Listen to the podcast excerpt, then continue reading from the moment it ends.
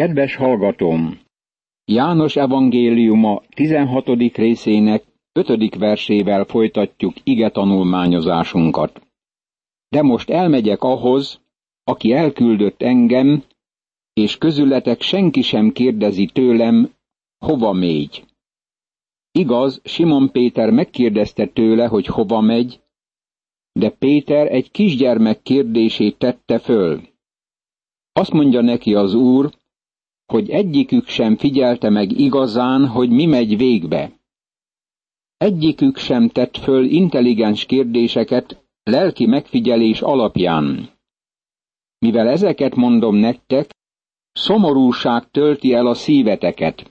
János evangéliuma, 16. rész, 6. vers. Ezek az emberek teljesen kétségbe estek amiatt, hogy elhagyja őket az Úr. Barátom, ma ezt el kellene kerülniük a keresztényeknek. Sok keresztény engedi, hogy megkísértsék.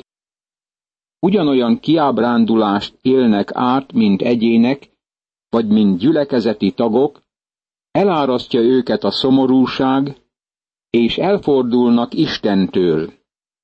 Egyesek nem akarnak templomba menni, mert megkeseredtek valamilyen múltbeli esemény miatt. Mások elvesztették valamelyik hozzátartozójukat, és ezért gyászolnak állandóan. Ennek nem lenne szabad így történnie. Nem szabad, hogy a szomorúság elárasszon minket. Én azonban az igazságot mondom nektek. Jobb nektek, ha én elmegyek, mert ha nem megyek el, a pártfogó nem jön el hozzátok. Ha pedig elmegyek, elküldöm őt hozzátok. János evangéliuma, 16. rész, 7. vers. Jobb nektek, ha én elmegyek. Más szóval ez hasznosabb nektek. Miért volt jobb az, hogy az Úr Jézus távozott tőlük? Több okot felsorolhatok, és bizonyos vagyok benne, hogy te még ezeket is kiegészítheted. Az egyik az okok közül a következő. Azért jött a világba, hogy meghalljon. Mert az emberfia sem azért jött, hogy neki szolgáljanak, hanem hogy ő szolgáljon és életét adja váltságul sokakért. Márk evangéliuma, tizedik rész, 45. vers. Amikor ez megtörtént, Visszament az atyához, mert elvégezte a munkát, amiért az atya a földre küldte. Aztán van egy másik ok is. Amikor eljötte földre, magára vette emberségünket. Isten mindenütt jelen való. De Jézus korlátozta magát azzal, hogy emberré lett. Ez azt jelenti, hogy amikor Galileában volt, nem lehetett lent Betániában. Emlékezz arra, amit Mária és Márta mondott neki, amikor megemlítették, hogy ha ott lett volna, nem halt volna meg a testvérük. Más szóval, ha az Úr Jézus ma emberi testben lenne a földön, nem lehetne itt, ahol én vagyok, és veled, ahol te vagy, ugyanabban az időben. Ezért megmondja nekik, hogy elküldi a szent lelket hozzájuk. A szent lélek mindenütt jelen lesz. Ő velem van ma, és veled lesz holnap. Jézus mondja, hogy ez jobb. Elküldi a vigasztalót, a szószólót, és ő eljön hozzánk, és velünk lakik. Amikor a Szentlélek eljön, akkor sok szolgálatot végez majd, amelyek közül az egyiket itt említi meg. És amikor eljön, leleplezi a világ előtt, hogy mi a bűn, mi az igazság és mi az ítélet. A bűn az, hogy nem hisznek én bennem. Az igazság az, hogy én az atyához megyek, és többé nem láttok engem. Az ítélet pedig az, hogy a világ fejedelme megítéltetett.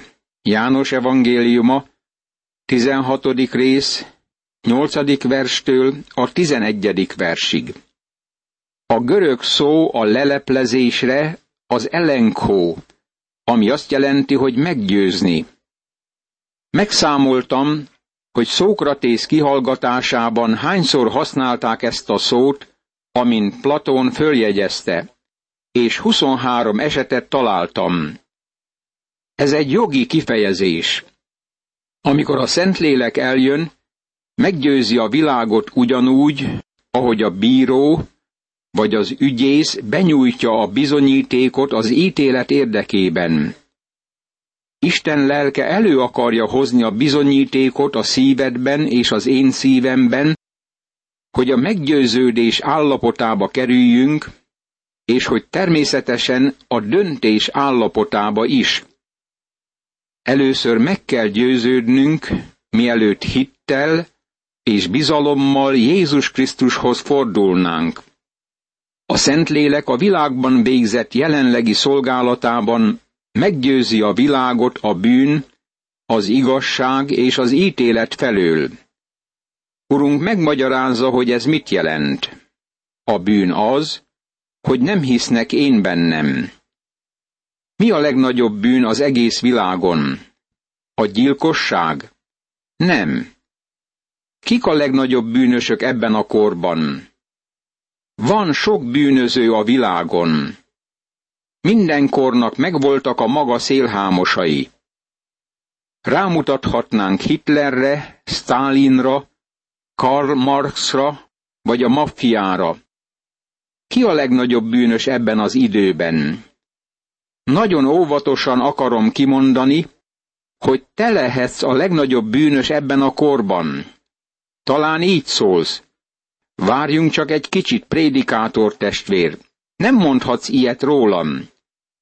Én nem vagyok szélhámos. Én törvénytisztelő állampolgár vagyok. A kérdés ez. Elfogadtad-e már Krisztust? A hitetlenség állapot, és nincs orvosság rá, ha nem bízol Krisztusban. A bűn az, hogy nem hisznek bennem. Ha nem bízol benne, elkározol. Ez ilyen egyszerű. Éppen ennyire fontos is. Ez döntés, amit minden embernek meg kell hoznia. Ha valaki elutasítja Jézus Krisztust, akkor Isten szemében a legnagyobb bűnös. Gondolj arra, amit Jézus mondott. Ha nem jöttem volna és nem szóltam volna hozzájuk, nem volna bűnük. Most azonban nincs mentségük bűneikre. János evangéliuma, 15. rész, 22. vers. Aki csak valaha hallotta az evangéliumot, felelős a Jézus Krisztussal kapcsolatos döntésért. Krisztus elutasítása bűn. Másodszor a Szentlélek meggyőzi a világot igazság tekintetében. Jézus Krisztust a mi bűneinkért adták át, és a mi megigazulásunkért támad fel. Római levél, negyedik rész, 25. vers. Jézus Krisztus visszatért az atyához, mert bevégezte munkáját a földön. Amikor meghalt a kereszten, akkor ítélet következtében halt meg. Magára vette az én és a te bűnödet, és helyettünk halt meg. Átadták a mi bűneinkért, de feltámadt a mi megigazulásunkért. Feltámadt a halálból, hogy bűneinket ne csupán eltörölje, hanem hogy megkapjuk az ő igazságát. Ez nagyon fontos, mert nekünk igazságra van szükségünk. Nem elég bűneink bocsánata. Nem állhatunk meg Isten jelenlétében, ha semmi más nem érvényes ránk, csak az, hogy kegyelmet nyert bűnösök vagyunk. Krisztus átadta nekünk az ő igazságát.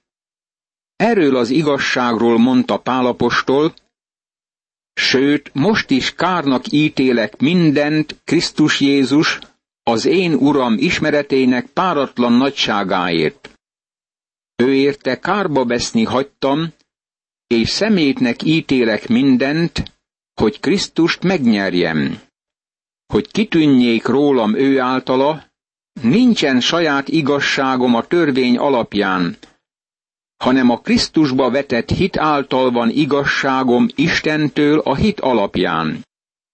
Filippi levél, harmadik rész, nyolcadik és kilencedik vers. Ő nem csak eltörölte bűneinket, hanem nekünk adta a saját igazságát. Ha meg akarunk állni Isten előtt, akkor Krisztusban kell lennünk, és ő a mi igazságunk. Vagy éppen annyi jogunk lesz a mennyben, mint magának Krisztusnak, vagy nem lesz ott egyáltalán semmi jogunk. Átadatott a mi bűneinkért, és feltámadt ismét a mi megigazulásunkért, vagyis igazságunkért. Harmadszor a Szentlélek meggyőzi a világot ítélet tekintetében. Vajon ez azt jelenti, hogy az ítélet eljön egy napon? Nem. Nem ebben a versben. Az ítélet pedig az, hogy a világ fejedelme megítéltetett. E világ fejedelme, a sátán már megítéltetett. Nagyon sok hívőnek nehéz megértenie, hogy mi egy megítélt világban élünk. Az emberek mondogatják, hogy kihasználják a lehetőségeiket. Úgy tesznek, mintha kihallgatáson lennének. Barátom, mi nem vagyunk kihallgatáson. Isten már kimondta rólunk, hogy elveszett bűnösök vagyunk, és már megítélt minket. Mert a bűn zsoldja a halál, az Isten kegyelmi ajándéka pedig az örök élet Krisztus Jézusban, ami Urunkban. Római levél, hatodik rész, 23. vers. Olyan világban élünk, ami már ítélet alá került, és a halálos ítélet végrehajtására várunk. Minnyájan bűnösök vagyunk, mert a mi igazságunk olyan, mint a szennyes ruha Isten szeme előtt. Ha szennyes ruhánkban kellene megállnunk Isten előtt, akkor nem csak szégyelnénk magunkat, hanem látnánk azt is, hogy mennyire bűnösök vagyunk. Gondolj arra, hogy Pál miként érvelt Félix helytartó előtt az eljövendő ítélettel kapcsolatban. Ez megrémítette őt. Sokan nem szeretnek ma az ítéletről hallani, és nagyon ellenállnak még az ítélet gondolatának is. Az elveszett világ gyűlöli az Istenről szóló igazságot. Például, hogy Isten mindenható. Nem szeretik azt a tényt, hogy ez az ő világ egyeteme, és ő uralkodik fölötte a saját akarata szerint. Nem szeretik azt, hogy Isten irgalma által megvált, és hogy az ember már elveszettként áll Isten előtt. Ezek felől győzi meg a Szentlélek a világot ebben a korban. Még sok minden kellene mondanom nektek, de most nem tudjátok elviselni. Amikor azonban eljön ő az igazság lelke, elvezet titeket a teljes igazságra mert nem önmagától szól, hanem azokat mondja, amiket hall, és az eljövendő dolgokat is kijelenti nektek. Ő engem fog dicsőíteni, mert az enyémből merít, és azt jelenti ki nektek. János evangéliuma, 16. rész, 12., 13. és 14. vers. Ezt nem ismerjük teljesen, Folytonosan növekszünk a kegyelemben és az ő megismerésében. Miként tehetjük ezt? A Biblia olvasása önmagában nem végzi el ezt. A Szentléleknek kell a tanítónknak lennie, amint olvassuk az igét. Isten lelke az igazság lelke. Ő irányít és elvezérel minden igazságra. Ő irányította az apostolokat, ahogy az Úr mondta, és irányítani fogja őket, és megtaláljuk ezeket az igazságokat az apostoli levelekben. Isten lelke eljött ezekhez az emberekhez pünköskor, és vezérelte őket az igazság útján, mind a prédikálásban, mind az írásban. Láthatjuk, hogy ez miként teljesedett be az apostolok életében. A Szentlélek szolgálata folytatja az Úr Jézus Krisztus tanítását. A levelek dicsőítik Krisztust, és bemutatják őt, mint az egyház fejét. Beszélnek ismételt eljöveteléről, hogy létrehozza királyságát. A levelek bemutatják Krisztus személyét és szolgálatát. Elmondják a bekövetkezőket, és bizonyára a jelenések könyve éppen ezt teszi. Figyeljük meg az itt leírt hét lépést. Első, a Szentlélek az igazság lelke eljött. Második, ő elvezérel minden igazságra. Harmadik, ő nem magáról beszél. Negyedik, amit hall, azt mondja. Ötödik, bemutatja a bekövetkező eseményeket. Hatodik, dicsőíti Jézust. Hetedik, az enyémből vesz, és bemutatja nektek. Mivel megismertük ezeket a lépéseket, megvizsgálhatjuk, hogy mit hallunk és olvasunk. Hallgattam egy embert a rádióprogramban, aki így szólt. Nagy szent szellem ébredés történik. A szent szellem munkálkodik. A szent szellem ezt és azt cselekszi. Amikor mindezeket elmondta, tudtam, hogy a szent szellem nem munkálkodik. Miért? mert az Úr Jézus nagyon világossá tette, hogy a Szent Szellem nem önmagáról beszél. Aztán miként mondhatjuk el, mikor munkálkodik a Szentlélek? Ő Krisztust dicsőíti. Barátom, amikor valamilyen összejövetelen vagy biblia tanulmányozáson hirtelen megpillantod az Úr Jézust, és ő csodálatossá, nagyon valóságossá és kiemelkedővé válik előtted, az a Szentlélek munkája. Jézus mondta, ő engem dicsőít. Mindaz, ami az atyáé, az enyém. Ezért mondtam, hogy az enyémből merít, és azt jelenti ki nektek. János evangéliuma, 16. rész, 15. vers. Az Úr Jézus önmagát ismét egyenlővé teszi Istennel. Mindaz, ami az atyáé, ugyanakkor Jézusé is. Az enyémből merít. Ez azt jelenti, hogy Istentől veszi át, és nekünk mutatja be. Csak ő teheti ezt. Hanem hirdetjük, amint megvan írva. Amit szem nem látott, fül nem hallott, és ember szíve meg sem sejtett, azt készítette el az Isten az őt szeretőknek. Nekünk pedig kinyilatkoztatta Isten a lélek által. Mert a lélek mindent megvizsgál, még Isten mélységeit is. Első korintusi levél, második rész, kilencedik és tizedik vers. A lélek kutatja Isten mélységeit és egyedül ő mutathatja meg nekünk ezeket a mélységes titkokat. Egy kis idő még, és nem láttok engem. De ismét egy kis idő, és megláttok engem. János evangéliuma, 16. rész, 16. vers. Mit értett ezen? Azt értette, hogy letartóztatják, ők meg szétszóródnak, mint juhok, és elszakadnak tőle. Ő keresztre kerül, és eltemetik.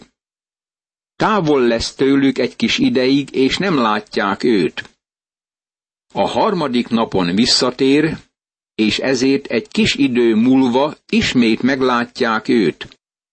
Ennek teljesebb, gazdagabb és mélyebb jelentése van nekünk ebben az időben. A tanítványai közül egyesek ezt kérdezték egymástól. Mi az, amit mond nekünk? Egy kis idő, és nem láttok engem. És ismét egy kis idő, és megláttok engem. És ez, mert én elmegyek az atyához.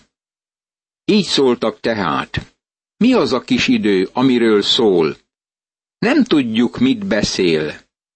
Jézus észrevette, hogy meg akarják kérdezni, és ezt mondta nekik. Arról kérdezősködtök egymás között, hogy ezt mondtam. Egy kis idő még, és nem láttok engem. De ismét egy kis idő, és megláttok engem. Bizony, bizony, mondom néktek, hogy ti sírni és jajgatni fogtok, a világ pedig örül. Ti szomorkodtok, de szomorúságotok örömre fordul. János evangéliuma, 16. rész, 17. verstől a 20. versig. Nem értették pontosan, hogy mit mond. Egy kis ideig a sírban volt, ez három napig tartott. Aztán ismét jött egy kis idő, mert elment az atyához, ami már kétezer évvel ezelőtt történt. Megígérte, hogy nem hagyja őket vigasztalás nélkül, nem maradnak árvák. Velük lesz a Szentlélek személyében, aki Krisztus igazságait valóságossá teszi nekik. Ma éppen ebben a korban élünk. Az elmúlt kétezer év alatt Isten lelke Jézust valóságossá tette az emberek tömegeinek.